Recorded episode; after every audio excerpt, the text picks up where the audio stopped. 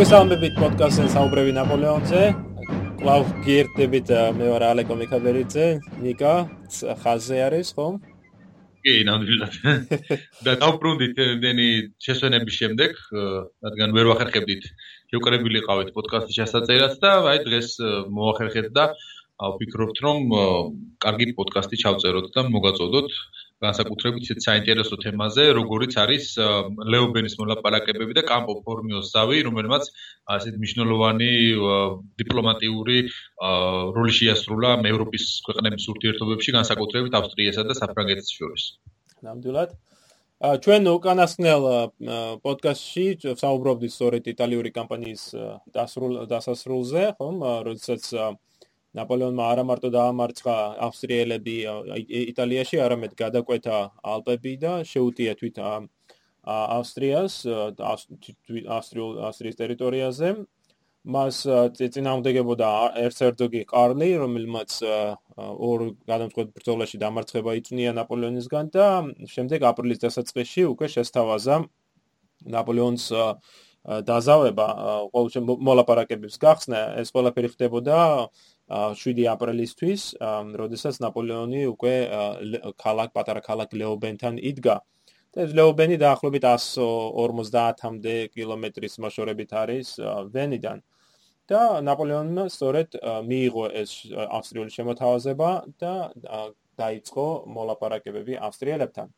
აქ რამოდენიმე საკითხი არის სპეციალისტ განსახილველი. პირველ რიგში ის რომ ნაპოლეონს ამის უფლება არ ჰქონდა. ის იყო ხერდათავარი, არანაირი უფლება არ ჰქონდა მას რომ უბრალოდ ნებარ თუ არ ჰქონდა საფრანგეთის ხელისუფლების დირექტორიისგან დირექტორიისგან დიახ რომ ეწარმოებინა ეს მოლაპარაკებები, მაგრამ მან გადაწყვიტა რომ მაინც გაიკეთებინა ეს და რაც თავარია, გაიკეთებინა ეს თავის მას რაც მიეჭდა ის იმ პირობებზე და იმ პირობების მიხედვით და ამას ჩვენ ხედავთ კიდევაც მოლაპარაკებების დროს.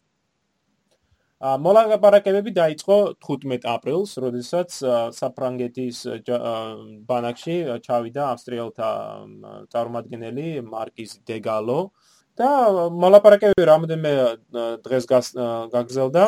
აქ რამოდენმე საინტერესო მომენტი არის. მაგალითად, თავიდან და დეგალომ სადა რომ ნაპოლეონი თავის ადგილზე დაესვა სავით და მოითხოვა რომ მოლაპარაკებები ნეიტრალურ ადგილას უნდა ჩატარებულიყო და ნაპოლეონმა იკითხა, კი მაგრამ სადო, სადგეგულება ეს ნეიტრალური ადგილიო. და გალომ გაიშვირა ხელი რამოდენიმე ცოტა მოშორებით მდებარე კარაბზე და ნაპოლეონს გაეცინა.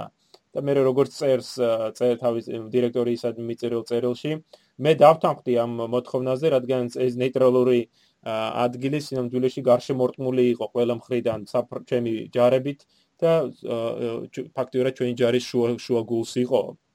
და დავთანხმდა ნაპოლეონი ამ დეგალოს მოთხოვნაზე ანდაც ისიც არის ასაღნიშნავი რომ დეგალომ მოლაპარაკების დასაწყისში ფრანგების გულის მოსაგება თითქოს და შესთავაზა რომ პირველი მოლაპარაკების დაზავები პირველ მუხში ავსტრიაც ცნობდა საფრანგეთის საფრანგეთის დამოუკიდებლობას. რესპუბლიკას. რესპუბლიკის რესპუბლიკის და ნაპოლეონს ცნობილი პასუხი ჰქონდა ხო მაგაზე რომ ეს მუხლი უნდა დაუყოვნებლივ იქნას ამოღებული რესპუბლიკამ ზესავით ელვარებს და მხოლოდ ბრმები ვერ ამჭდებენ ამასო. თან ისეთი კარგი პასუხი არის. ბუნებრივია ნაპოლეონმა იწოდა რომ ეს პასუხი გამოქვეყნდებოდა საფრანგეთში და გარკვეულ ეს პოპულარობას მოუტანდა ნაპოლეონს. საზოგადოებაზე იყო. პროპაგანდისტული პასუხია. თავის თავის წარმოჩინებას ცდილობს ყველანაირ იმაში. თან აქვს ამის უფლება პრინციპში მას. და საშუალებაც. დიახ. იგივე იგივე ის მსგავსი მომენტი არის, როდესაც დეგალომ შესთავაზა ნაპოლეონს, რომ ავსტრია დათანხმდებოდა დაზავებაზე და მიიღებდა პირობებს თუ რესპუბლიკა, საფრანგეთის რესპუბლიკა შეინარჩუნებდა და ეს ციტატა არის საფრანგეთის მეფეთა ეტიკეტს. და ნაპოლეონ ცოტა გაუკვირდა კიდევაც რას ნიშნავსო და შემდეგ კლავ ესე ხო ეს პროპაგანდისტული პასუხი არის რომ საფრანგეთის რესპუბლიკა ყველანაირად განსხვავდება სამეფო დინასტიისაგან და ამიტომ მას არანაირი სურვილი არ აქვს რომ სამეფო ეტიკეტით ხელმძღვანელობდესო. მოლაპარაკებები რამოდენიმე გზელს გაგზელდა, დღე გაგზელდა, როგორც აღნიშნეთ და ამ დროს აი ჩვენ ამბობ 16-17 აპრილს ნაპოლეონი განუწყვეტლივ წერს პარიზში და ითხოვს რაინის პირეთში ფრანგული ჯარების გააქტიურებას, ბუნებრივია ეს გააძლიერებდა ნაპოლეონის ხელს ამ მოლაპარაკებების დროს. და მართლაც 16 აპრილს გენერალი ხოში, მეტად საინტერესო პიროვნება, რომელიც ხელმძღვანელობდა ერთ-ერთ ჯარს, მან დაიწყო შეტევა და 18 აპრილისათვის უკვე გადალახა რაინის დინარე რაინი და შეუტია ავსტრიელებს. ამავე დროს გენერალი ჟან მორო, ასევე საკმაოდ წარმატებული მხედართმთავარი, მანაც წამოიწყო ახალი შეტევა რაინის პირეთში. და აი როგორ დაიწყეს მათ შეტევა, ზუსტად მაგ დროს მიიღეს შეტყობინება, რომ ნაპოლეონი უკვე მოლაპარაკებებს აწარმოებდა ავსტრიელებთან და ამიტომ იძულებულები იყვნენ, რომ გაჩერებული იყვნენ და ეს მნიშვნელოვანი ფაქტორი არის. მართალია, ხოში ცოტა ხანში მოკვდება, ხო, გარდაიცვლება, მაგრამ მორო დარჩება.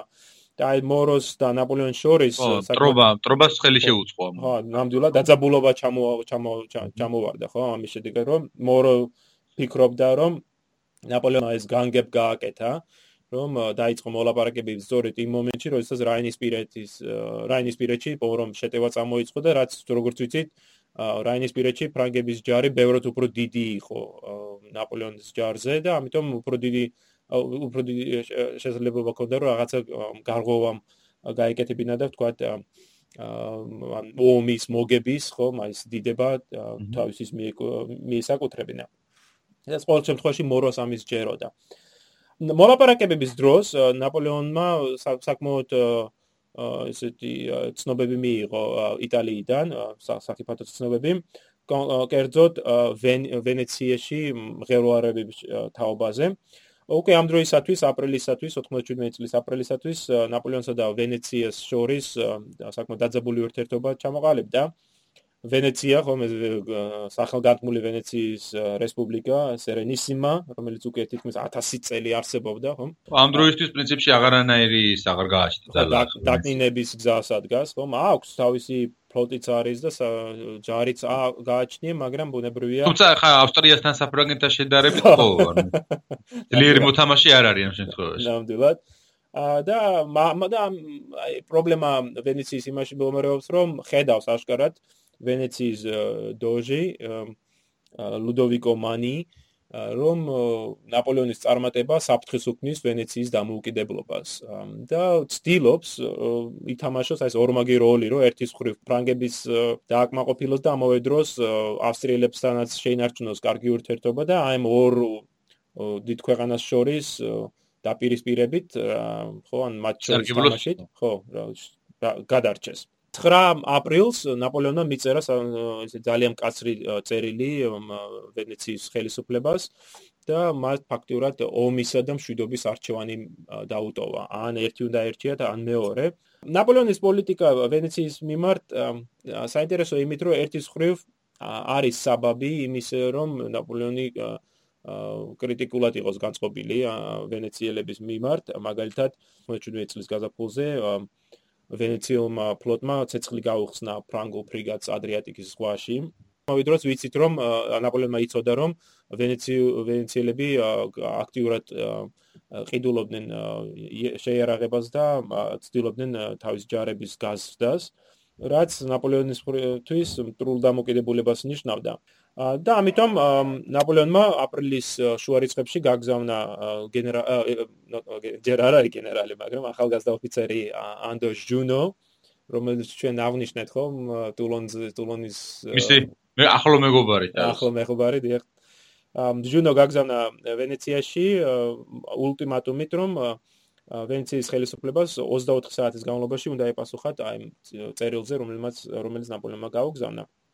ამავე დროს ვერონაში, რომელიც ვენეციის რესპუბლიკის ნაწილი იყო, ვერონაში 17 აპრილს დაიწყო დიდი ამბოხება, როდესაც ვერონელებმა შეუტი მოულოდნელად თავს თავს დაესხნენ ქალაქში მყოფ ფრანგ გარნიზონს და მოკლეს დაახლოებით 400-მდე ფრანგი ჯარისკაცი, მათ შორის რა ათეულობით დაჭრილი ჯარისკაცი, რომელიც ჰოსპიტალში იყვნენ. და ყოველივე აი ამან შექმნა ის გარემოება, რომ ნაპოლეონი მეტად ტრულად იყო განწყობილი ვენეციის მიმართ. 1797 წლის 19 აპრილს 4 შაბათი დღე იყო დილის 2 საათზე ნაპოლეონმა ხელი მოაწერა ლეობენის დაზავებას. ისე მოაწერა ხელი რომ პარიზიდან დიპლომატიური წარმომადგენელი ფაქტობრივად არც იყო ჩამოსული, ან ნაპოლეონმა ის თვითნებურად გააკეთა. ბუნებრივი ეს არ იყო საბოლოო ზავი, ხო, მე სამშვიდობო ხელშეკრულება არ იყო, მაგრამ მაინც მნიშვნელოვანი დოკუმენტი იყო. ამ დაზავების მიხედვით, ამ ლეობენის დაზავების მიხედვით, ავსტრია იძულებული იყო საფრანგეთისათვის გადაეცა ლომბარდია,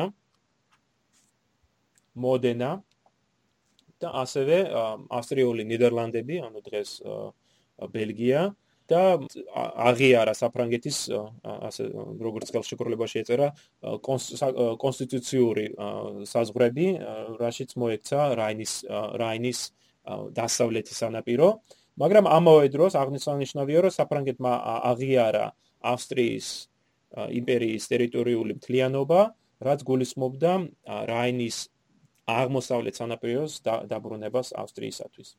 ამავე დროს დაზავების საიდუმლო მუხლებში ავსტრია იძულებული იყო ხელი აიღო იტალიაში კერძოდ ცენტრალურ იტალიაში არსებულ სხვა სამფლობელოებზე და კომპენსაციის სახით ამ ამის კომპენსაციის სახით ნაპოლეონი დათანხმდა რომ ავსტრიელებისთვის გადაეცა ვენეცია დალმაციის ის და ისტრიის ტერიტორიების ჩათვლით. ანუ მეტად ისეთი გეოპოლიტიკურად მნიშვნელოვანი გადაწყვეტილება იღებს ნაპოლეონი, ფაქტურად დასავლეთ და ცენტრალური ევროპის ნაწილების გადანაწილება ხდება. ისე ქართულ ლიტერატურაში ხშირად ხვდება, რომ ამ საკითხთან დაკავშირებით წერია თითქოს დირექტორია, საფრანგეთის დირექტორია უფრო მეტად სურდა დაეტოვებინა გერმანული ტერიტორიები დაეტოვა საფრანგეთისათვის ის ტერიტორიები რომლებიც ამ აღმოსავლეთ სანაპიროზე დაიკავეს რაინისა და სამაგიეროდ ავსტრიისთვის დაებრუნებინა ეს იტალიის ის ტერიტორიები რომელთაც აი ეს ნაპოლეონის 1796-97 წლის კამპანიის დროს საფრანგებმა დაიკავეს და აი რამდენად მიღებული შეხედულებაა ეს თანამედროვე ისტორიოგრაფიაში? რო გადახედოთ თვითონ მოლაპარაკებებს, ხო, ლეობენის მოლაპარაკებებს და შემდეგ უკვე რაც თავია დირექტორის მიერ ამ მოლაპარაკების შედეგების განხილვას. დავინახავთ, რომ თლად მასე არ არის ეს საკითხი. აა ბუნებრივი რატომ, ხო? მაგალითად, ლეობენის მოლაპარაკებაში ნაპოლეონმა უკვე მიიღო ის, რაც პროგრამა მინიმუმი შესრულებული არის, ანუ ბელგია, რაინის და დასავლეთ სანაპირო უკვე ფრანგების ხელში არის. თვითონ მოლაპარაკების დროს ნაპოლეონმა ჩასვა ერთი მუხლი, რომელშიც იყო ნათქვამი, რომ რაინის მარცხენა სანაპირო, ანუ როგორც მას უწოდებენ, ანუ აღმოსავლეთ სანაპირო, მომოვალი იქნებოდა გადაწყვეტილი საბოლოოდ აი სწორედ კამპო ფორმიოში საზავ სამშვიდობო ხელშეკრულების მოლაპარაკებების დროს, ანუ თქვა გამოტოვებული არ არის ეს ეს და რაც თავარია, რომ შეხედოთ დირექტორის თვითონ საუბარს, ხო, როცა შეხვდნენ და განიხილეს ლეობენის დაზავება. საბოლოოდ, როცა კენტი უყარეს მას, ხუთი კაციდან, ხო, დირექტორია ხუთ კაცისგან შეძგებოდა. საბოლოო შედეგი იყო 4 მომხრე, 1 მოწინააღმდეგე და ეს ერთი მოწინააღმდეგე იყო ჟან-ფრანსუა რუბელი და იმან ლეობენის ხელშეკრულებას იმიტომ არ დაუჭირო მხარი რომ ფიქრობდა რომ საკმარისად კაცრი არ იყო.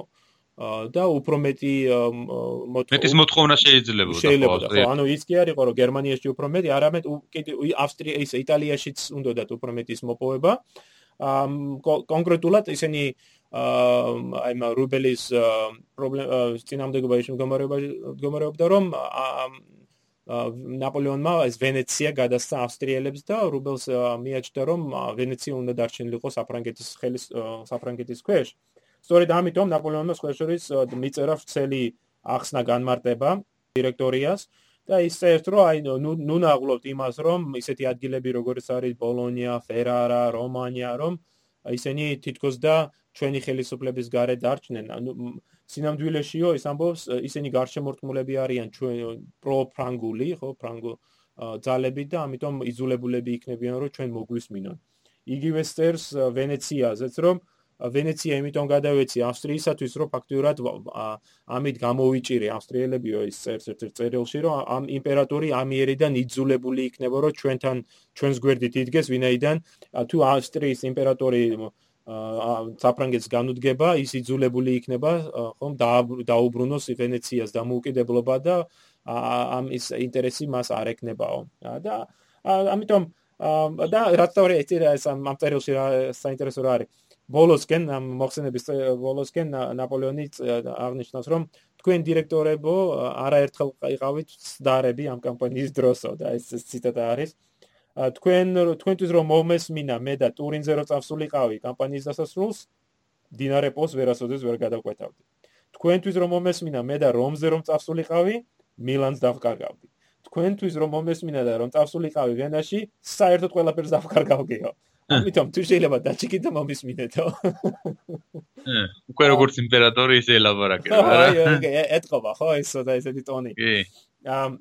და რატომ ხო ეს აინტერეს თქვა ერთ-ერთი ჩვენ მე Facebook-ზე ქონდა ჩვენ ამას საუბარი ერთ-ერთ მსმენელთან და კითხვა იყო თუ რატო შეუძლია რატო შეძლო ნაპოლეონმა ამის გაკეთება და პასუხი იმაში არის რომ ნაპოლეონი ყველაზე წარმატებული ფრანგი გენერალია ამ მომენტში. მან იმდენ რაღაცას მიაღწია რომ თავს აძლევს ნებას, რომ აი ესე მოიქცეს, იცის მან, რომ საფრანგეთის ხელისუფლებას არ აქვს იმის ფუფუნება, რომ გააგდოს ეს, ხო ვთქვა, მოხსნას თანამდებობიდან და რაღაცა უკნას. ან ასეთი პოპულარულია უკვე. ხო, მეტად პოპულარულია ამ რომ არაფერი ვთქვა იმ ფულზე, ხო, 1000 მილიონობით ფრანკზე, რომელიც ნაპოლეონმა გაუგზავნა საფრანგეთს. სხვადასხვა ფულზე საუბრისას, ალბათ ეს სატირო აღნიშნოთ.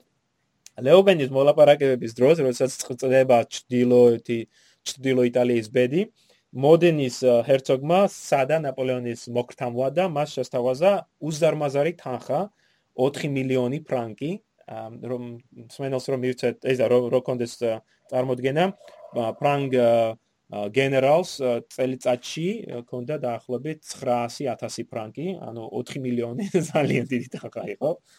შესთავაზა ნაპოლეონს 4 მილიონი ფრანკი რომ დაინებებინა თავი ამ მოდენასთვის და ნაპოლეონმა უარი თქვა.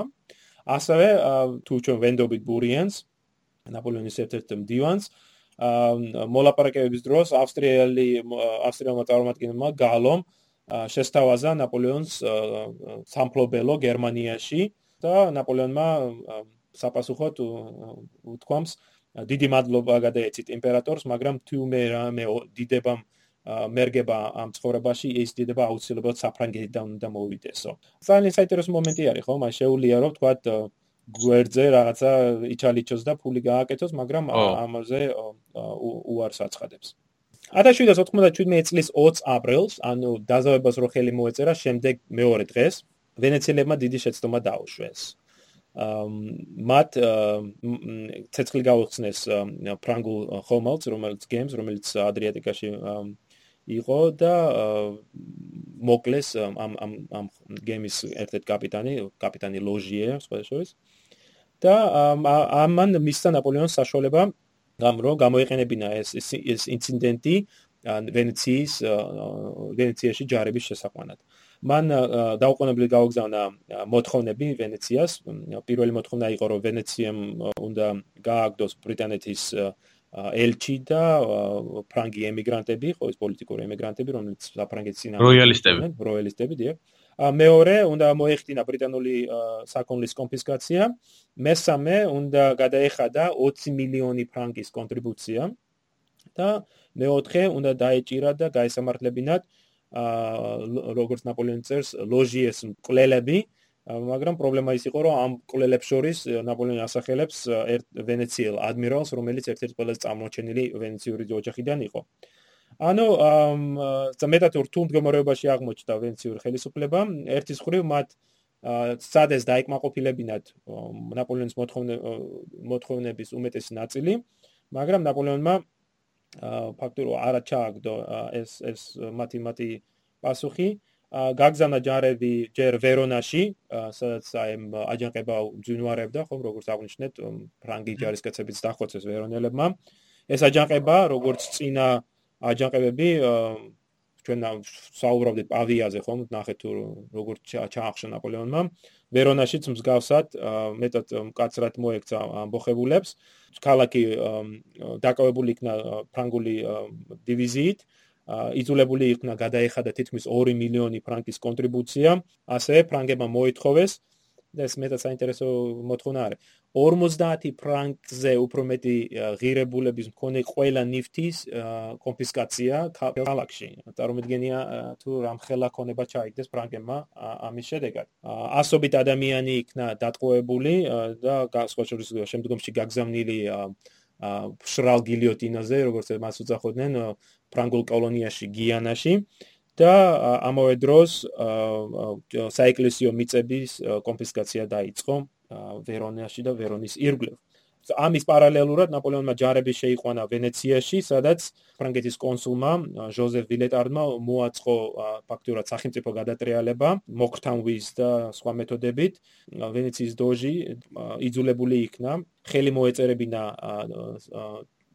კაპიტულაციას რის შედეგად თითქმის 1000 წლოვანი ხომ სხვაშორის მე მგონი 1200 წლის არის ამ დროისათვის სერენისიმა ამ ამ ამ ხნის დამოუკიდებლობის შემდეგ ვენეციის რესპუბლიკა წყვეტს თავის არსებობას.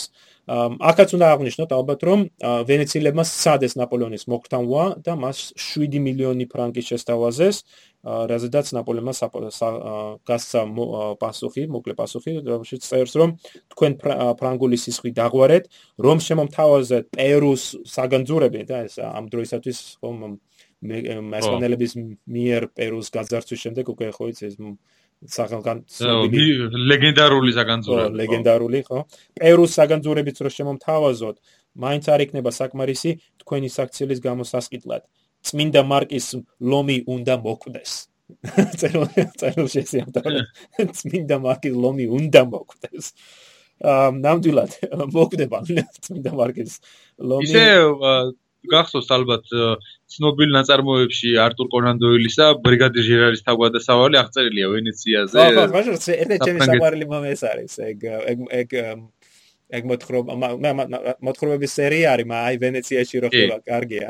გახსოვს იმიდან რომ ერთ-ერთი კარე ერთ-ერთ დღესასწაულს სადღაც რომ მიდის, ხო? და მე კლელობას რო გადაურჩება. კი, მე რეთყვედაც რომ არის ჩავარდნილი ვენეციელებს. სწორედ ეგ მომენტი ხდება მაისის მერე, იმიტომ რომ 16 მაის ნაპოლეონის ბრძანებით გენერალი ბარაგეილიერი მეტაურობს ახლობით 5000 კაცს შედის ვენეციაში და მას ათავისუფლებს ხო? ფრანგებს რა ფრანგული პროპაგანდის ნაწილია 1000 და ამ განთავისუფლების ნაწილი იყო სახელგანთქმული ხო 4 ცხენის მოხსნა წმინდა მარკის ბაზილიკიდან და გადატანა რომ გადაეტანათ ტროფეების სახით პარიში. თანაც ეს წმინდა მარკოზის ეკლესიაში ესენები ბიზანტიელი თვითონ ვენეციელებმა მოიტანეს ბიზანტიიდან მეოთხე ჯვაროსნული ლაშქრობის დროს, როდესაც 1204 წელს აიღეს კონსტანტინოპოლი ჯვაროსნება, მაშინ ენრიკო დანდოლო ძალიან დიდი როლი შეასრულა ამ ლაშქრობის კონსტანტინოპოლისკენ მიმართვაში და შემდეგ როდესაც გაძარცვეს კონსტანტინოპოლი და ვენეციელებმა შემდეგ ლათინთა იმპერია შეიქმნა და საერთოდ ვენეციელები დომინირებდნენ ამის შემდეგ სავაჭრო საკითხებში კონსტანტინოპოლსა და საერთოდ ეგეოსის ზღვაში, მარმარილოს ზღვაში. მაშინ წამოიღეს ვენეციელებმა ბიზანტიიდან, კონსტანტინოპოლიდან ეს 4 ცხენი და ჩამოიტანეს თავიანთ ქალაქში ვენეციაში, სადაც იმის შემდეგ მუდმივად გას და თუმცა გარეთ რომელიც არის გამოტანილი თანამედროვე ეს ძეგლები არის ასლები ამ ძინა მარკოზის ცხენებისა, რომელსაც საერთოდ ხედავს იქ ნახველიოცად მიდის. 1915 წელს ნაპოლეონის ხო ეს უკვე 14-ში დაიწყება ეს საუბარი და 15-ში გაგრძელდება როცა ნაპოლეონის იმპერია დაემხობა. ა ვენეციელები სწორედ ითხოვდნენ ამ ცხენების დაბრუნებას, როინაიდან ამბობდნენ რომ ეს ცხენები ჩვენ გვეკუტნის. სწორედ ავიწყდებოდა თუ როგორ ეკუტნოდათ მათ. ხო, თვითონაც მოპარული რო ქონდათ ეს აღარ ახსოვთ. ხო, როგორ კაპეტეს ფრანგებმა მოეპარათ ჩვენთვის ცხენები, რომელიც ჩვენ მოვპარეთ ბიზანტიელებს. კარგი, ხელის სწორედ გაზაფხულის ბოლოს ვენეციასა და საფრანგეთს შორის ხელშეკრულება ფორმდება, ოღონდ აი დოჟის გადადგომის შემდეგ ვენეციას ფაქტიურად პროფრანგული აი ხელისუფლება მართავს და უკვე ვენეციელებს არ აქვს დიდი თავისუფლება.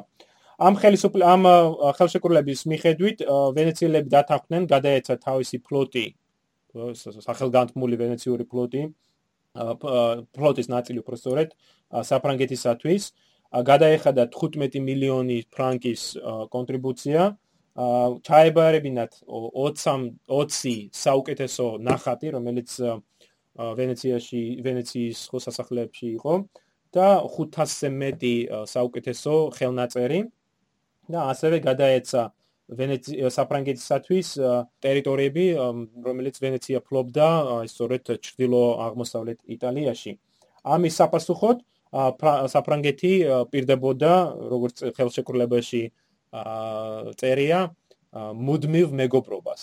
ბუნებრივია ნაპოლეონმა თუმცა მუდმივ მეგობრობა არ არ გაამართა. არა, ნამდვილად არ გაამართა, ხო? დავიწყდა ნაპოლეონს ეთქვა რომ ერთი თვით ადრე, ხო, აპრილში ნაპოლეონი დათანხმდა ავსტრიელებისათვის ვენეციის გადაცემაზე. რატომღაც დავიწყდა ამის თქმა. ვენეციასთან მოლაპარაკებების დროს ნაპოლეონმა მიიღო ახალი ცნობები გენუედან, სადაც აჯანყება დაიწყო. ასე და სხვა შორის 23 მაისს შეტაკებებიც ხდება პროფრანგული ჯგუფებს, რომელსაც ჯაკობინი ერქვათ. ანუ იაკობინელები. ხო, ფაქტურად იაკობინელები ნამდვილად და ადგილობრივი ხელისუფლება, როგორც მსმენელმა ალბათ იცის, რომ გენუის რესპუბლიკა ვენეციის რესპუბლიკის მსგავსად იმართებოდა სენატის მიერ და მას სათავეში ედგა ასევე დოჟი. და სწორედ აი აქ მაისში ხდება შეტაკება პროფრანგული ჯაკობინისა და დოჟის და სენატს მომხრეებს შორის. ისე მოხდა რომ დოჟის მომხრეებმა თავი და თავდაპირველად მოიპოვეს წარმატება და მათ აღმოაჩინეს საბუთები და სხვა გასაჯაროეს ეს საბუთები რომელშიც ჩანდა რომ ფრანგები აქტიურ როლს ასრულებდნენ ამ ამბოხების წამოწყებაში კერძოდ ფრანგ საფრანგეთის წარმომადგენლები ფეიპო და სალიჩეტი ხო ჩვენი ძველი მეგობარი. ხო სალიჩეტი თურმე აი აკეზებდნენ ჯაკობინის რომ ხელისუფლების ძინავდე გამოსულიყვნენ და პირდებოდნენ რომ ეს აჯანყების წამოწყების თანავე ფრანგული ჯარი შევიდოდა გენუის გასათავისუფლებლად. ეს სცენარი მე მგონი ჩვენთვის ყველასთვის ნაცნობი იქნება, ხო, მე თქვა 20 20 21 წლებში განვითარებულ მოვლენებისგან საქართველოში, ხო, თქვა ამბოხება რო იწყება და შემდეგ გასათავისუფლებლად რომ მოდის მეზობელი ქვეყნის ჯარები. აა სწორედ ესეთი სცენარი ვითარდება გენუაში, მაგრამ აი როგორც აღნიშნე, დოჟის დოჟმა შეძლო ამ ამ ამბოხების ჩახშობა თავდაპირველად. და ნაპოლეონი განრისხებული იყო ამით, მას კონდა სხვა შორის გეგმებში გენუის დაკავება, მაგრამ არა აი მომენტში, რადგან მას სხვა უფრო მნიშვნელოვანი საკითხები ქონდა გადასაჭრელი, თქვა ვენეცია, ავსტრიელებთან საბოლოო. საუშალა პრინციპში ამ გეგმები. ხო. და აი ეს აი წერილები არის, როდესაც ის წერს ალიჩეტისთანაც და სვებთანაც, რომ მათ კიცხავს იმის იმის გამო, რომ აი ეს ნაადრევად სადეს გენუის რესპუბლიკის გადატრიალება. საბოლოოდ ნაპოლეონის ჩარევის შედეგად გენუაში მაინც გადატრიალება ხდება. ნაპოლეონი აგზავნის თავის ერთ-ერთ ადიუტანტს ლავალეტს. სპეციალ საინტერესო პიროვნება არის. შენ თუ გახსოვს მას რა ბოლოში 1815 წელს რო დაიჭერენ, გახსოვს შენ ეგ მომენტი? არა. ლავალეტი აი ესე ახალგაზრდა როგორც ჟუნომ ახალგაზრდამ გაიცნო ნაპოლეონი და შემდეგ დაუახლოვდა და შემდგომში ნაპოლეონის პოსტის უფროსად მსახურობდა. ან პოსტთან მეტად მნიშვნელოვანი ხომ დაწესებულება იყო. პოლონეთის ხელისუფლებამ დაემხო ბურბონებმა დაატყვევეს ლავალეტი და ვინაიდან 1815 წელს მან აქტიურად შეუწყო ხელი ნაპოლეონის დაბრუნებას ელბიდან სწორედ ლავალეტს სიკვდილი მიესაჯა. და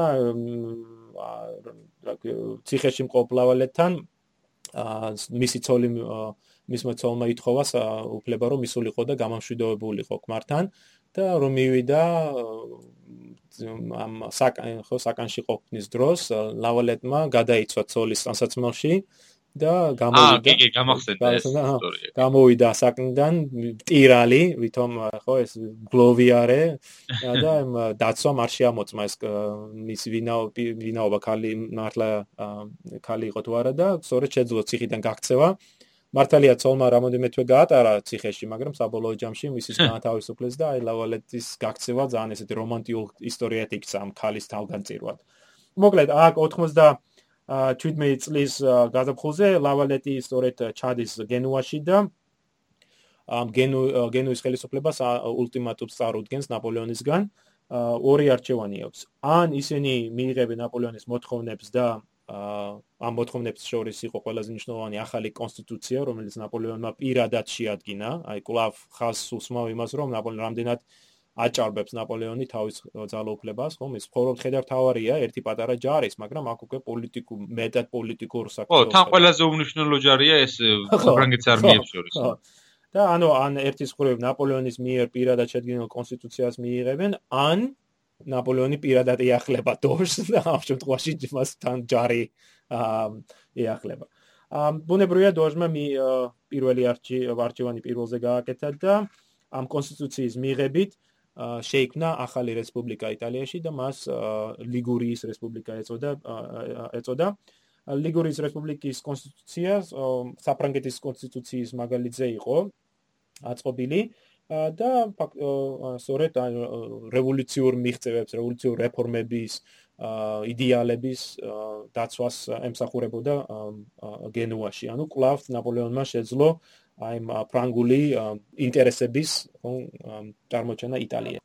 ივნისში 1797 წლის ივნისში ბონაპარტი თავისი შტაბით და ამალით მილანში დაბრუნდა და ქალაქის შორი ახლოს დაბა მონბელოში მთის კალთაზე გაშენებულ მეტად მშვენიერ სასახლეში დასახლდა.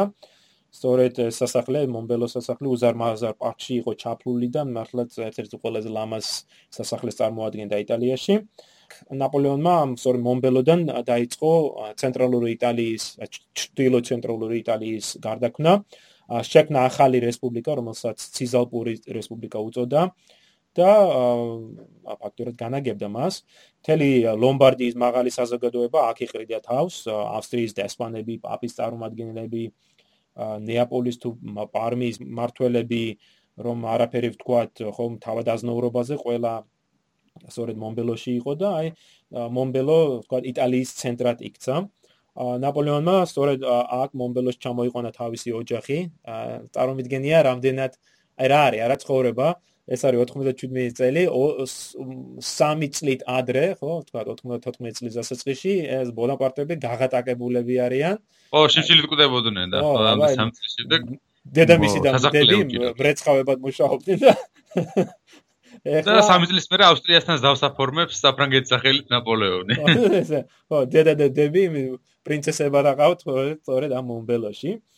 აა მომბელო იმით არის საინტერესო ყოფნა, რომ ეს აქ ხდება პირველად შეხვედრა ლეტიცია ლეტიციას, ხო, ნაპოლეონის დედას და მის მეუღლეს ჟოზეფინას შორის. ო, და ძალიან ესეთი უკმაყოფილო დარჩა თან რა ლეტიცია ამ შეხვედრის ისე საერთოდ ჩვენ იმდენი ვილაპარაკეთ ამ სამხედრო კამპანიებზე ნაპოლეონისა რომ გამოგჩა მისი პირადი ცხოვრების დეტალები როგორც აი თუნდაც აი ჟოზეფინა რომელმაც აი დიდი როლი შეასრულა ნაპოლეონის ცხოვრებაში საკმაოდ და თანაც მისი ოჯახიც ასევე რომელიც აი რას შვება უკვე ამ პერიოდში როგორ შეიცვალა მისი ძმების ცხოვრება და მისი დების ცხოვრება იმ პერიოდში როდესაც ნაპოლეონი უკვე ასე წარმატებას აღწევს და მაგრამ როგორ იყიდებენ ისინი საფრანგეთში ფეხს საერთოდ. მოდი მაშინ აქ ჩვენ დღეს დავასრულოთ საუბარი კამპო ფორმიოს ხელშეკრულებით და აი შემდეგ პოდკასტში აუცილებლად მივხვდეთ ამ სწორი საოჯახო საქმეებს და ქორწინებას და ასე შემდეგ. ო, განსაკუთრებით ჟოზეფინას, რომელიც თითქმის არ არ გხსენებია ამ პოდკასტების განმავლობაში. ხო. სწორედ ამ მომბელოში ოპნის დროს ნაპოლეონმა შეძლო ბევრი რამის ჩატარება, ხო, ეს გაკეთება იტალიაში. სხვა რეფორმები იქნება, ახალი კონსტიტუციის შექმნა იქნება ეს თუ სხვა. მაგრამ აქაც უკვე ჩდება, ნათლად ჩდება, რომ აი ეს იმპერია არ ვერ ვიტყვი თქვა იმპერიული სულისკვეთება ნაპოლეონის, მაგრამ ყოველ შემთხვევაში აი არაერთმა თანამედროვემ, მithumetes რესპუბლიკური სულისკვეთებით აღტენებულმა თანამედროვემ მას უკვე ბრალი დასწო ეს მეფურად მართვაში, რომ აი მეფის სულისკვეთება ჩდება ჩდებოდა მასში. ამავე დროს არ უნდა გამოგჩეს ის მომენტიც, რომ ვენეციაში, როდესაც ნაპოლეონმა ეს ასეთ მონაპოლეკებს აწარმოებდა ხელოვნების ნიმუშები გაქონდა და ამ შემდეგ ჩაიგდო ხელში. ეს იყო როიალისტთა სადაზვერო ქსელის მეთაური გრაფი დანტრეგი. ეს გრაფი დანტრეგი ძალიან საინტერესო პიროვნება. თავდაპირველად როგორც ვთქვით საფრანგეთის რევოლუციის მომხრე იყო საერთოდ დანტრეგი და კონსტიტუციურ მონარქიის უჭერდა მხარს მაგრამ შემდეგ ემიგრაციაში წავიდა და მტერი გახდა რევოლუციურ საფრანგეთისა და შვეიცარიიდან ხელმძღვანელობდა მონარქისტების საიდუმლო აგენტურას პარიზში საკმაოდ დიდი ისე ვთქვათ უსიამონება მიაყენა მან რესპუბლიკურ ხელისუფლებას დროთა განმავლობაში ეს მუდმივად იცვლიდა თავის ადგილს ამ ყოფილს ფრანგი აგენტებს არიდებდა თავს და თვითონაც მოქმედებდა მათ წინააღმდეგ 1797 წლის მაისში ამ დროს როცა ეს ნაპოლეონი იტალიაშია და ამ ვენეციის საქმეებს აგვარებს. ვენეციაში იყო თვითონ დანტრეგი. და გაქცევა დააპირა საკურველია ქალაქიდან რუსეთის საერთო თანამშრომლის დახმარებით ხოთაშურის მაგრამ ფრანგებმა დააკავეს და დაადგინეს კიდევაც ვინ იყო მისი ვინაობა. და ასეთი მნიშვნელოვანი ნადავლი რადგან ჩაიგდო ხელში ნაპოლეონმა თვითონ პირადად შეხვდა ის დანტრეგს. და თვითონ თავის მემუარებში აღნიშნავდა ნაპოლეონი რომ ყველანაირად ცდილობდა რომ ჩემთვის თავი მოეწონებინა ხო დანტრექს უპოვეს ბევრი საინტერესო და მნიშვნელოვანი დოკუმენტი ესაჯაშო ქსელიდან მოპოვებულები. და სხვადასხვა საკომპრომენტაციო მასალა იყო ზოგიერთ პარიზელზე ძალიან ცნობილ მოხელეზე. და ამ დოკუმენტების დიდი ნაწილი ნაპოლეონმა თავისთვის შეინახა და პარიზში გაგზავნა თავარი ის ყაღალდი რომელიც ცნობილ რესპუბლიკელ გენერალ პიშეგრიუს ეხებოდა. ეს პიშეგრიუ არის რესპუბლიკური პერიოდისა საფრანგეთის ერთ-ერთი გმირი გენერალი და წარმატებებს მქონდა მას სამხედრო ასპარეზზე განსაკუთრებული პოპულარული იყო. თუმცა ამ დროისათვის მას უკვე რესპუბლიკას უღალატა და როიალისტების სამსახურში იყო იშეგრიუ და მის არასაიმედოობის შესახებ რაღაც ეჭვები არსებობდა მაგრამ დამადასტურებელი დოკუმენტი არ ჰქონდათ არანაირი და დირექტორიას არ შეეძლო რაღაც განსაკუთრებული ზომები მიეღო იმიტომ რომ ძალიან გავლენიანი პირი იყო პიშეგრიუ 500 საბჭოს თავმჯდომარეც კი იყო და ამ დოკუმენტის საშუალებით უკვე მას საშუალება ეძლევა შევდათ რომ პიშეგრიუ გამოაშკარავებინა. ხო, ეს ხო უნდა აღნიშნოთ ეს კონტექსტი რომ მივცეთ ისტორიული. პარიში მე და დაძაბული ვითარება ასუფევს ამ დროს. ჩვენ ვისაუბრეთ არაერთხელ ამ პოდკასტზე თუ რამ ხელა პოლიტიკური კრიზისი არის საფრანგეთში 1799 წლიდან მოყოლებული. ამ დროისათვის ჩვენ უკვე გავიარეთ ხო ტერორის სისხლიანი წლები, ათასობით ადამიანის განადგურება თუ გილიოტინაზე იქნება ეს თუ სიკვდილი დასჯილი ან დახრჩობილი თქო ვანდეაში თუ ლიონში თუ მარსელში ხო ამას დაემატება სოციალური ეკონომიკური და სოციალური კრიზისი. სხვა სხვა სხვა რომ არაფერი ვთქვა ტუფლი რო ტუფლია ხო ფეხსაცმელი. 1797 წელს ეს ფეხსაცმელები 40 ჯერ უფრო ძვირი იყო ვიდრე 1790 წელს. და სხვა ფასებზე აღარ ვამბობ მე განსაკუთრებით პურზე ან სხვა სურსათზე. ფული თქვა ასინიატი რომელიც ფრანგულმა რევოლუციურმა ხელისუფლებამ შემოიღო ფაქტობრივად გაოფასურდა და 97 წელს თითოეული ასინიატის ფასი წარმოადგენს 1%-ს იმისა თუ რაც იყო თავდაპირველად. ანუ საფრანგეთი მეტად ძიმე პოლიტიკური და ეკონომიკური კრიზისში არის და აი სწორედ ამიტომ ჩვენ ხედავთ ორ ფაქტურად ძალა ორ ჯგუფს ორ პოლიტიკურ ძალის აღმოჩენას. ერთის ხურები ეს არის აი ეს გადარჩენილი იაკობინელები ხომ აი რობისპიერის მომხრეები და ანტონის მომხრეები რომლებიც 9 თერმიდორის შემდეგ, როდესაც ტერორი დამთავრდა, მიმალვაში იყვნენ, მაგრამ აი ამ ეკონომიკური კრიზისის ფონზე მათი სოციალური თანასწორობის, ხომ, ეკონომიკური რეფორმების პროგრამა მეტად აქტუალური ხდება და ხალხი, ასე შორის, უჭერს მათ მხარს. და მეორე მხრივ არის, ჩვენ როგორც თქვი, ნიკა, როიალისტები, რომლებიც გმობდნენ რევოლუციურ რეფორმებს ხას უსვამდნენ იმას, რომ აი ამ ამდენი წლის განმავლობაში, ხო თქვა 92 წლიდან მოყოლებული ეს ტერორი და რადიკალური მემარცხენე რეფორმები არაფერი მოუტანა ხალხს თუ არა გაჭირვება და უფრო დიდი პრობლემები. და ამიტომ ისინი ითხოვდნენ სამეფო ხელისუფლების აღდგენას და აი სწორედ ამ რადიკალიზმის აღკვეთას. ერთ-ერთი მათი ლიდერი შენახდნენ იყო ეს გენერალი პიშიგრუ. მაგრამ პიშიგრუს გარდა სხვა ნიშნები შეიმჩნევა იმისა, რომ აი როიალიზმი ღვივდება, მაგალითად 26 მაისს ხდება დირექტორის ახალი არჩევნები და აღმასრულებელი ხო დირექტორის და ერთ-ერთ დირექტორად აირჩიეს ბართელემი, რომელიც მარკიზი იყო და საკმაოდ ესეთი თვალსაჩემი როიალისტი და მისი არჩევა ამ დირექტორის წევრად სწორედ ამის იმის გამოვლინება იყო რომ როიალიზმის მისადმი მხარდაჭერა საზოგადოებაში იზრდებოდა. ნაპოლეონმა სწორედ კარგად იცოდა პარიზში მიმდინარე მოვლენების შესახებ, რადგანაც აი ეს თავისი ადიუტანტი ლავალეტი, რომელიც გენუაში გაგზავნა ჩვენ როგორც ვახსენეთ, გენუედენ შემდეგში ლავალეტი პარიზში ჩავიდა და აი პარიზიდან აწვდიდა საკმაოდ დაწვრილებითი ინფორმაციას თუ რა ხდებოდა ქალაქში და აი აუხწერდა თუ რა პრობლემები სუფევდა. ერთ-ერთი რაც მინდა გავხსო კიდევ ერთხელ რომ აი ამ ივნის აი ზაფხულში ხო 97 წლის ზაფხულში საფრანგეთის ეროვნულ ასამბლეაში, ნაციონალურ ასამბლეაში ნაპოლეონის მიმართ არაერთი კრიტიკული სიტყვა ითქვა, რომ დაიგმო ნაპოლეონის ქმედებები, არაერთმა დეპუტატმა ხაზი გაუსვა იმას, რომ ნაპოლეონი აჭარბება თავის ძალაუფლებას და ამ ხრივ ყველაზე ცნობილი და ესეთი ძლიერი სიტყვა იყო თქმული დეპუტატ ჟოზეფ დიუმულარის მიერ, რომელმაც ვცელი სიტყვა წარმოთქვა ასამბლეაში, დაგმო ნაპოლეონის მიერ ვენეციის ოკუპაცია.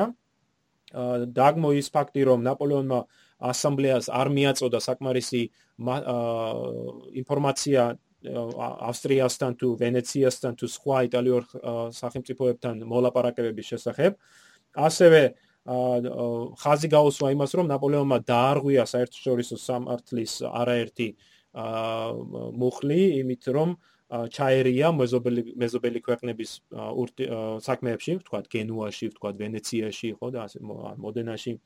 და ნაპოლეონმა საპასუხოდ დაწერა მეტად ესეთი კაცრი ტონი დაწერილი წერილი, რომელშიც ის წერს უწოდინარმა და ყმედმა ადვოკატებმა კითხვის ქვეშ დააყენეს ჩვენს მიერ ვენეციის ოკუპაცია.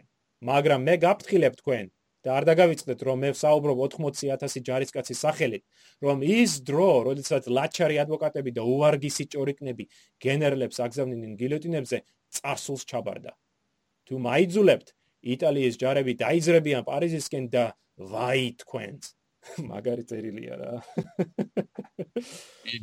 ანუ აი მე ხომ საფუძველს აფაქტირებად აში აშინებს დირექტორი, არა მარტო დირექტორიას უკვე, არამედ თვით ეროვნულ ასამბლეასაც, რომ თქვენი ადგილი იცით თქვენ ნუერევი ჩემ საქმეებშიო. 14 ივლისს ბასტილიის დღის აღების აღსანიშნავად ნაპოლეონმა მილანში მოაწყო დიდი ზეიმი და ამ დროს მისი ბრძანებაც წაუკითხეს ჯარისკაცებს, რომელიც დაახლოებით ასე ჟღერდა. ჯარისკაცებო, თუ როიალისტებმა თავის წამოყოფა გაბედეს, ეს მათი უკანასკნელი საათი იქნება. მას უკუაგდეთ ყოველგვარი ეჭვები და შეფიცეთ თავისუფლებისთვის დაღუპული ჩვენი თანამოძრაობის აჩდილებს. შეფიცეთ ჩვენ ახალ ბაირაღებს, რომ მარადიულ ომს უცხადებთ რესპუბლიკისა და მესამე წლის კონსტიტუციის მტრებს. აი ესეთი კაცრი გაფრთხილება მისცა ნაპოლეონმა როიალისტურ ძალებს, რომლებიც საფრანგეთში ჯარებისთვისაც ნიადაქს ომზადებს, რომ თუ საჭირო არის, რომ გაგზავნოს ხო ეს ჯარები პარიზში და დაამხოს თუ საჭირო არის ხელისუფლება იმის მოტივით, რომ ეს როიალისტური არის, ხო? ხო. და ამას კიდევ ხედავთ კიდევაც ზაფხულის მიწურულს, რომ ასეც იქცევა, ხო? ეგრე არ არის? კი, პრინციპში ასე, იმიტომ რომ აღელვარება არის პარიზში ამ დროს და აქტიურობენ ეს როიალისტები. აა დანტრეგის თქმა პეშეგრიუს ღალატის შესახებ თან ესეთ კრიტიკულ პერიოდში შეატყობინა და პრინციპში ისეთი იარაღი მისცა ხელში დირექტორიას შეგრიუს წინამდე რომელიც გამოყენებად შეიძლებოდა ამისთვის თუმცა თვითონ ნაპოლეონმა ამ როიალისტების საწინააღმდეგოდ და ამ დირექტორის თხოვნის საპასუხოდ გადაწყვიტა პარიზში გაეგზავნა თავისი ერთ-ერთი ხედავთავარი, რომელსაც თავი გამოიჩინა იტალიურ რომებში, ეს იყო ოჟერო, მომავალი მარშალი და ის დანიშნა შინაგან ჯარების სარდლად. ოჟერო რესპუბლიკური სულისკვეთებით გამოირჩეოდა. სხვა ჯამი იაკობინო შესაბამისი კანდიდატი იყო პრინციპში. თან ისეთი კაცრი და სასტიკი ხასიათის კაცი იყო და ალბათ თქო მოახერხებდა როიალისტებისთვის საკმარის წინააღმდეგობის გაწევას თანაც ესე გამოჩნდა პირველად ეს პარიში ჩავიდა უჟერო ასე აღწერს რომ აღწერენ ახმახი და დახვეწილ მანერებს ერთო მოკლებული კაციო. სრულ სამხედრო ფორმაში გამოწყობილი ხმლისა და დეჟების ღარუნით ლუქსემბურგის სასახლეში მივიდა და დირექტორებს წარუდგაო და ლაზარ კარნოს აღშფოთება ვერ დაუფარავს და უთქვამს რა პირწავარდნილი ყაჩაღიაო ოჟეროსაც ხო წლებში ამ პერიოდში და უფრო ახალგაზრდა ხო. ლავალეტთან ლავალეტს ხო. გაგზავნა პარიში და ლავალეტს უთხრა სწორედ რომ ოჟეროს ძალიან დიდი პოლიტიკური ამბიციები აქვს და გაუფრთხილდიო იტალიის ჯარში სხვა არაფერს არ აკეთებდა თუ პოლიტიკური ინტრიგებს აბამბავ და ანუ ანაპოლეონი იგებს ორ ფაქტობრივად ორ ორ ამეს აღწევს აქ ერთის ხრივ ოჟერო ეს ინტრიგანი კაცი ხო იმას ავიდან მოიშორა ხო იშორებს და ამავე დროს აგზავნეს პარიზში სადაც ერთის ხრივ დირექტორიას დაუჭერს ხართ ხო ამ როიალისტების წინააღმდეგ და მეორე მხრივ მაინც იქნება ეს პოლიტიკური არასტაბილურობა პარიზში ამ ოჟეროს ყოფნის იქ და ამით ნაპოლეონი მოიგებს. კიდე რა არის ახსენშნავი ლავალეტი და ეს ოჟერო რო წავიდნენ ესენი პარიზში ნაპოლეონმა მათ გაატანა. ჩვენ როგორც ვიცით ლავალეტმა შემდგომში ყოველ შემთხვევაში წერს თავის მემუარებში რომ ნაპოლეონმა გამატანა 3 მილიონი 3 მილიონამდე ფრანკი, რათა გამოეყენებინათ ეს ფული აი ქრთამებისთვის და თქვათ ზეგავლენის მოსაპოვებლად პარიზში. ვინაიდან ასწორედ სექტემბრისათვის მზადდება სახელმწიფო გადატრიალება პარიზში, რომელსაც ფრუქტიდორის გადატრიალებას უწოდებენ. ეხლა რატომ უწოდებთ ამას გადატრიალებას, ხო? აა იმიტომ რომ ამ დროისათვის გენერალი პიშეგრუ შენ როგორც თქვი ნიკა უკვე აირჩიეს ხომ 500 საბჭოს პრეზიდენტად ის როიალისტი არის. ამავე დროს ბარბე მარბუა რომელიც თავადაზნაური იყო მარკიზი იყო და ასევე როიალისტი გახდა ზედა პალატის უხუცესთა საბჭოს პრეზიდენტი.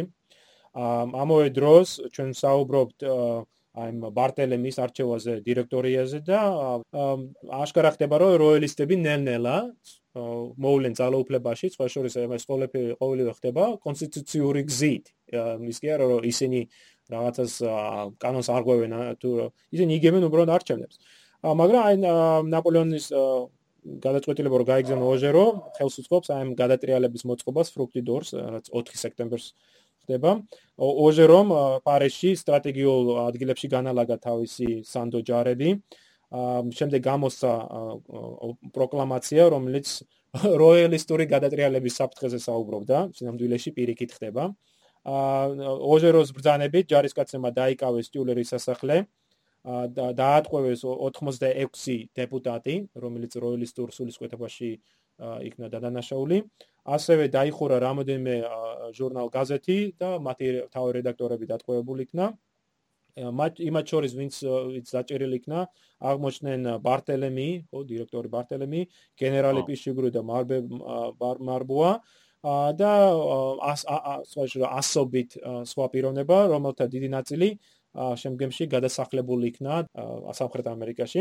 გადატრიალების შემდეგ ოჟერომ ხელი შეუწყო დირექტორის პოზიციების გამყარებას სათავეში მოვიდნენ უფრო რესპუბლიკურად განწყობილი დირექტორები, მაგალითად მერლენ დე დუა, ფრანსუა ნიუშოტე და ასე შემდეგ. ხო, ამ მოვლენების შემდეგ დირექტორია ფაქტობრივად ნაპოლეონზე გახდა დამოკიდებული, იმიტომ რომ ეს ხელისუფლება მათი შეინარჩუნა სწორედ ნაპოლეონმა და მისმა იტალიური არმიის გენერალმა ოჟერომ, რომელიც ნაპოლეონმა გაგზავნა თვითონ. აი, იცი რა, აქ კიდე ერთი საინტერესო ფაქტი არის, რომ არ ჩანს ოღონდ ნაპოლეონმა მიიღო ამაში მონაწილეობა თუ არა, მაგრამ ამ ფრუქტიდორის გადატრიალების შემდეგ ხდება ფრანგული ჯარის წმენდა, საბოლოოდ 38 გენერალი, რომელთა დაძდეს ბრალი კრიპტო როიალიზმში, ანუ საიდუმლო როიალიზმში. იქნა განთავისუფლებული თანამდებობებიდან აა საინტერესო რომ მათ შორის არის არაერთი გენერალი რომელიც ნაპოლეონის მოწინააღმდეგე თან თქვა მეტოქე შეიძლება წარმოჩენილიყო მათ შორის თქვა გენერალი კელერმანი რომელიც ალპების ჯარის ხედართავარი იყო და ჩვენ დავინახეთ რომ ნაპოლეონთან არც ისე კარგი ურთიერთობა ჰქონდა ასე რომ არ ვიცი ჩვენ ნაპოლეონმა რა როლი შეასრულა წმენდაში მაგრამ არ არის გამორიცხული რომ თქვა მისი ხელიც ერეოდეს ამაში. ახლა წარმოვიდგენია ავსტრიაში ამ საფრანგეთში მიმდინარე მოვლენების შესახებ ცნობების მიღება რამდენად სასიხარულო იყო, ხო? მე ხას უსვავდა იმას, რომ საფრანგეთი არასტაბილური არის, რომ არის საშიშროება იმისა, რომ ეს რევოლუციური ხელისუფლება დაემხოს და უფრო როიალისტური განწყობილი ახალი მთავრობა შეიძლება სხვა განწყობით იყოს ავსტრიელთა მიმართ. ამიტომ გასაკვირი არ არის, რომ ავსტრიელები ყველანაირად ცდილობდნენ საბოლოო სამშვიდობო ხელშეკრულების მოლაპარაკების დაწყების გაჭინაურებას. ამკაცრებდნენ თავის მოთხოვნებს და ეთყობოდა, რომ ცოტა ხანში შესაძლებელი იქნებოდა რომ მათ საერთოდ უარი ეთქვათ ლეობენში მიიღწეო შეთანხმებაზეც. შორის უნდა აღნიშნო რომ ნაპოლეონისაცაც ცნობილი გახდა რომ ავსტრიელები სამხედრო სამზადისში იყვნენ, ანუ ერთი მხრივ მოლაპარაკებებს აწარმოებდნენ და მეორე მხრივ ჯარებსაც იწვევდნენ და ახალ რეკრუტებსაც წვრთნიდნენ და აღჭურვილობასაც ანახლებდნენ. ამიტომ არის იყო საჭიროება იმისი რომ ომი განახლდებოდა ახლო მომავალში. ნაპოლეონის პასუხი მეტად ხისტი გამოდგა, მან დაუყოვნებლივ მოითხოვა ავსტრიელებისგან მოლაპარაკების დაწყება, შემდეგ გააგზავნა მოთხოვნები იტალიის სხვა სხვა მხარეს, რათა გაეგზავნათ დამხმარე ძალები და ფაქტურად ავსტრიას არჩევანი მისცა. ან ისინი მოლაპარაკებებს შეუდგებოდნენ, ან ნაპოლეონი დაუყოვნებლივ დაიწყებდა საომარ მოქმედებებს. ამ საშროებამ დააფრთხო ავსტრიელები და მართლაც 97 წლის ადრეულ შემოდგომაზე დაიწყო მოლაპარაკებები ავსტრიელ მხარეს წარმოადგენდა მეტად გამოცდილი დიპლომატი გრაფი ლუდვიგ კობენცლი. სწორედ ის ეს პიროვნება არის რომელმაც 10 წლების განმავლობაში ავსტრიულ საგარეო პოლიტიკას ედგა სათავეში და საკმაოდ ნიჭიერი პიროვნებაც იყო. მისი დანიშნით აშკარა იყო რომ ავსტრიელებს ჰქონდათ იმედი რომ ასეთი მაღალი დონის და გამოცდილების კონ დიპლომატიის შეძლებდა ბონაპარტის გაცურებას ამ ოტყუებას ან ხო შეარბილებდა ყველა იმას ხო. ლეობენის ხო პირობებს. მაგრამ მოლაპარაკებების დაწყებისთანავე აშკარა ხდება რომ ავსტრიელების იმედები დარი იყო. ორ გამართდა ბუჭი იყო პრობენსლი აჭინაურებდა მოლაპარაკებებს ან ცვლიდა მოთხოვნებს ან ამატებდა ახალ მოთხოვნებს და ყოველივე ეს ხდება სწორედ აი პარიზში მიმდინარე ამ პოლიტიკური არასტაბილურობის ფონზე. ნაპოლეონის საბოლოოდ ამოეწურა მოთმინების ფიალა და ერთ-ერთ ერთ-ერთ შეხვედრის დროს მან აა მე ძალიან საინტერესო ესეთი თეატრი მოაწყო ხო კობენცთან კობენცმა ისე სადა უარი ეთქვა ერთ შეთანხმებულ პუნქტზე რომელიც თითქმის მიღწეული ქონდა შეთანხმება. ნაპოლეონმა გაფიცხდა ძალიან და ყვირილი დაუწყო დელეგატებს. იმპერია თქვენ იმპერია ბებერი მეძავებითაა რომელთანაც ყველა იცხოვრებს ვისაც არ დაეზარებაო. ნეტა რას მევაჭრე ხო ესეთი უშნო სიტყვა ითქვა იხმარა მაგრამ ხო მაგრამ ხო ამ შემთხვევაში ხო ხა ჩვენ ახლა ახლა თავს ვიკავებთ ასე სიტყვებისგან. ხო, ვერ ცენზურა გვაქვს მოკლედ. აა დეტა რას მევაჭრებით? ვერ ხედავთ რომ ჩემი გრენადერები ხარ გარშემორტყმული? გენერალი წამოხტა ფეხზე და გააგზელაო კიდე ყვირილიო თითქოს თითქმის გამოვიდაო წონასწორობიდანო თან დიპლომატიური თამაშიც იყო ეს ასაკვირველია თქვენ რა ომი გინდა თუ ასე ამაშინ ავსტრია სამთოში დავამარცხებ და ასეთ ნამსხვრევებად ვაქცეო თქვა მან და იქვე მაგიდაზე დალაგებულ ჩაის ძვირფას სერვიზი და დარცხა მიწაზე და ნაკუწებად აქცია მოკლედ და დაამტრია.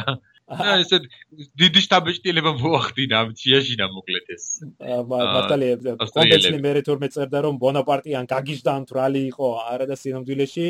ეს ყველაფერი დადგმული იყო ნაპოლეონის მიერ ხო მასკარა იყო რომ მას უნდოდა რაღაცა დრამატულის გაკეთება რომ აეჩვენებინა რომ ის არ არის ეს ჩოლებრი გენერალი რომლის გაცურებას შეძლებდა კობენსლია რომ ის მას შეუძლია ისეთი რაღაცის გაკეთება რაც მოულოდნელი იქნება ავსტრიელებისათვის ამ საქციელმა სხვა შორის გაჭრა ხო ამ შეხვედრიდან რამოდენიმე დღეში გობენსლი თანხდება საბოლოოდ ზავის პირობებზე და 17 ოქტომბერს საღამოს დაზავებას ამ საბოლოო ზავს ხელი მოეწერა. ზავს ეწოდა კამპო ფორმიოს ხელშეკრულება და ეს ბონაპარტის უზარმაზარი გამარჯვება იყო. შეთანხმების მიხედვით ავსტრია ცნობდა საფრანგეთის რესპუბლიკის შემდეგ საზღვრებს ჩრდილოეთ აღმოსავლეთით რაინის მდინარე, აღმოსავლეთით ალპები, სამხრეთ აღმოსავლეთით ხმელთაშუა ზღვა, სამხრეთით პირენეების მთები და დასავლეთით ატლანტიკის ოკეანე. ანუ აი ჯერ კიდე ლუი მე-14-ის დროს ჩამოყალიბდა საფრანგეთში ესეთი ცნობა ბუნებრივი საზღვრები. და სწორედ ლუი მე-14-ის, მე-15-ის, გარკვეულწილად მე-16-ის მთელი პოლიტიკა სწორედ იმისკენ იყო მიმართული, რომ აი ეს ბუნებრივი საზღვრები მიეღწია და ნაპოლეონმა ეს შეძლო ამ კამპოფორმიოს ხელშეკრულებით. უფრო მეტიც კი, ავსტრია ცნობდა ნაპოლეონის მიერ შექმნილ ცისალპურ რესპუბლიკას, საფრანგეთის ფლობელობაში გადადიოდა ბელგია, იონიის კუნძულები და სტრატეგიულად მნიშვნელოვანი ციხესიმაგრე მაინცი, ხომ, სამხრეთ გერმანიაში. ავსტრია ასევე ხელს იღებდა თავის ჩრდილო იტალიურ სამფლობელოებზე, ლომბარდიაზე, ბოლონიაზე, ფერარაზე, რომანაზე. ეს ყველა ეს პროვინცია მონტუასა და მოდენასთან ერთად საფრანგეთის ფაქტობრივად ვასალურ თუ გინდა ესე დამოკიდებულ ურთიერთობაში მყოფ ცისალბო რესპუბლიკაში გაერთიანდა. საპირისპიროდ სამაგიეროდ საფარანგეთი თმობდა სალცბურგს და მას რაც თავია გადასცემდა ვენეციას ისტრიით და დალმაციით კამპოფორმიოს ხელშეკრულებაში ერთ-ერთი პირობა იყო გერმანიის მომავლის გადაწყვეტა, ხო, გერმანიას როგორც ჩვენ მსმენელმა ალბათ იცის, იყო გაერთიანებული საფრთხო რომის იბერიის ფარგლებში, რომელიც 300-ზე მეტ პატარა სახელმწიფოს აერთიანებდა. და სწორედ აი ამ სამხრეთ გერმანიის მომავლის გადასაწყვეტად ქალაქ რაშტატში გადაწყდა კონფერენციის მოწყობა, სადაც ნაპოლეონი უნდა ჩასულიყო. ფაქტურად მისი ჩასვლა რაშტატში გულისხმობდა იტალიის არმიის მხედართმთავრობის ჩაბარებას, რაც კიდევ დადასტურდა იმით, რომ 1797 წლის 26 ოქტომბერს, ანუ ხელშეკრულების მოწერიდან 9 დღეში ნაპოლეონმა მიიღო შეტყობინება, რომ დირექტორია მის ოფიციალურად გაიწვია იტალიიდან და მას ეგრეთ წოდებული ინგლისის არმიის, ანუ ეს ეს არმია იყო, რომელიც ინგლისში უნდა შეჭრილიყო, ინგლისის არმიის მთავარსარლობა ჩააბარა. ოქტომბრის ბოლოს ნაპოლეონმა ოკეი მოემზადა გასამგზავრებლად რაშტატში და გამგზავრების წინ ორი საინტერესო საბუთი გამოსცა. ერთი იყო იტალიის მოსახლეობისადმი მიმართული, ხოლო მეორე თავის ჯარისკების ჯარისკაცებისთვის იყო. იტალიის მოსახლეობის თვის გამოცემულ პროკლამაციაში ნაპოლეონის შემდეგს შემდეგს წერს. მოქალაქენო ისტორიაში თქვენ პირველი მაგალითი ხართ იმ ხალხისა, რომელიც twinier პარტიული ბრძოლისა, twinier გადატრიალებათა და შინა ბრძოლათა თავისუფალი გახდა. ჩვენ მოგეცით თავისუფლება, მას ამიერიდან შეძელით მისი დასცვა. თქვენი მდგომარეობა ნებას გვაძლევთ თქვენ დიდი როლი შეასრულოთ ევროპის საქმეებში, რათა თქვენ დანიშნულების ღირსი იყოთ. დააწესეთ მხოლოდ გონიერი და ზომიერი კანონები.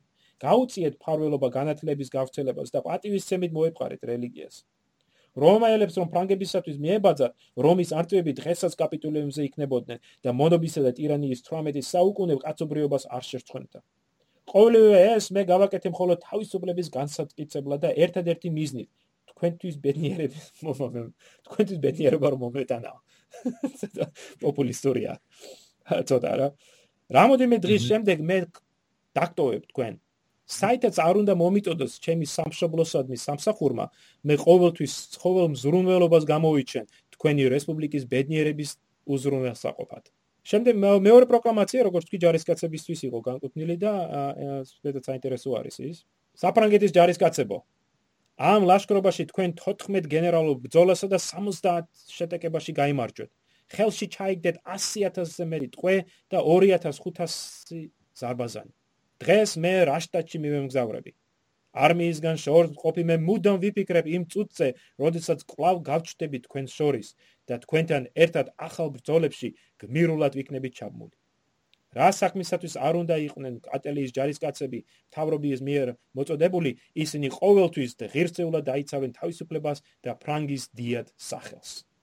ნაპოლეონის ეს პროკლამაცია საინტერესო არის კვლავ იმით, რომ აი ეს უშუალო ჯარისკაცის ჯარისკაცთან საუბრობს, ხომ ცდილობს რომ აი ეს დააკავშიროს თავის თავი უბრალო ფრანგ ჯარისკაცთან. ამის გასაკეთებლად ის მაგალითად აგზავნის ერთ-ერთი მისი უკანასკნელი გადაწყვეტილება იტალიის იტალიიდან წასვლის წინ არის შეარჩიოს იტალიური იტალიური არმიის 100 საუკეთესო ჯარისკაცი, ანუ როგორც ყველაზე მამაცი ჯარისკაცი, რომელიც თაც მან მათ სახელები გაუგზავნა პარიზში და მოითხოვა რომ მათთვის სპეციალური ოქროს დაშნები გადაეცათ რომელიც მათ მიღწევებს აღნიშნავდა ამათ შორის მათ შორის იყო მაგალითად ლეიტენანტი ჟუბერი 85 სახაზო ქვედანაყოფიდან პოლკიდან რომელმაც 30 კაცის მეთაურობით რივოლის ბრძოლის დროს და თქვეთ აიყვანა 1500 ავსტრიელი. ან თქვათ მაიორი სიკო 39 სახაზო პოლკიდან რომელმაც კალიანოსთან შეტაკების დროს მარტომ 40 ავსტრიელი ჯარისკაცი დაატყვევა. ან პოლკოვნიკი დიუპა 27-დე სუბუკი კვეიტი პოლკიდან რომელიც ერთ-ერთი პირველი იყო როგორც ნაპოლეონის წერს წერილში ერთ-ერთი პირველი იყო რომელმაც ლოდის ხიდი გადაკვეთა ან ვთქვათ გრენადერი კაბროლი 32 სახაზო პოლკიდან რომელმაც ერთ-ერთ ბრძოლაში შეძლო მარტომ მოწინააღმდეგის პოზიციებზე ასვლა, თვალშორის ქალაქთან იყო ბრძოლა, მან შეძლო ქალაქის გალავანზე ასვლა, შემდეგ ძოლით გაიკაფა გზა კარიბჭესთან, გააღოისა საფრანგელ ჯარების შიგ შეუშვა. და ეს ყოველივე იმით არის აღსანიშნავი, რომ აი ნაპოლეონმა შეძლო აი ხომ აი ყურადღება გამიექცია აი ინდივიდუალ საქციელს, აი ინდივიდუალურ საქციელს. აი მისა თავის ჯარისკაცებს იმის რწმენა რომ თუ ისინი გამოიჩენენ თავს ნაპოლეონი მართლაც დაინახავდა ამას და დააფასებდა და დააჯილდოვებდა შემდგომში ხო ფრანგულ ჯარში არის ეს სულისკვეთება რომ ნორმალს ნაპოლეონი ყველანაირად ხელს უწყობს რომ თითოეულ ჯარისკაცს თავის ჩანთაში ხომ აი მარშლის კვერთხი აქვსო და ეს ეს იწება სწორედ აქ ასევე იტალიიდან გამგზავრების წინ ნაპოლეონმა გაგზავნა დარჩენილი ავსტრიელი ტყვეები, ჯარისკაცები და ოფიცრები. გაგზავნა ასევე ალაფა, მათ შორის დროშები, რომელიც მათ ჩაიგდო ავსტრიელებისგან და რაც თავარია, გაგზავნა რამოდენმე ათეული ხელოვნების ნიმუში, მათ შორის მიკელანჯელოს, ტიციანის, ვერონეზეს, კორეჯიოს, რაფაელის და ლეონარდო და ვინჩის ნახატები, რომელიც ამიერიდან ლუვრის მუზეუმში იქნება განთავსებული. მოდი აქ დავასრულოთ ჩვენი დღევანდელი პოდკასტი და უკვე შემდეგ პოდკასტზე ჩვენ შევეხებით ნაპოლეონის ოჯახსა და მის მეუღლეს ჟოზეფინას რთუ როგორ განვითარდა მათი ცხოვრება ამ წლების განმავლობაში და როგორ შეიცვალა საერთოდ როგორც ნაპოლეონის ისე მათი ცხოვრება უკვე მას შემდეგ რაც ნაპოლეონმა ასე წარმატებებს მიაღწია. ნამდვილად. აბა შემდეგ შეხვედრამდე. მოულ შეხვედრამდე.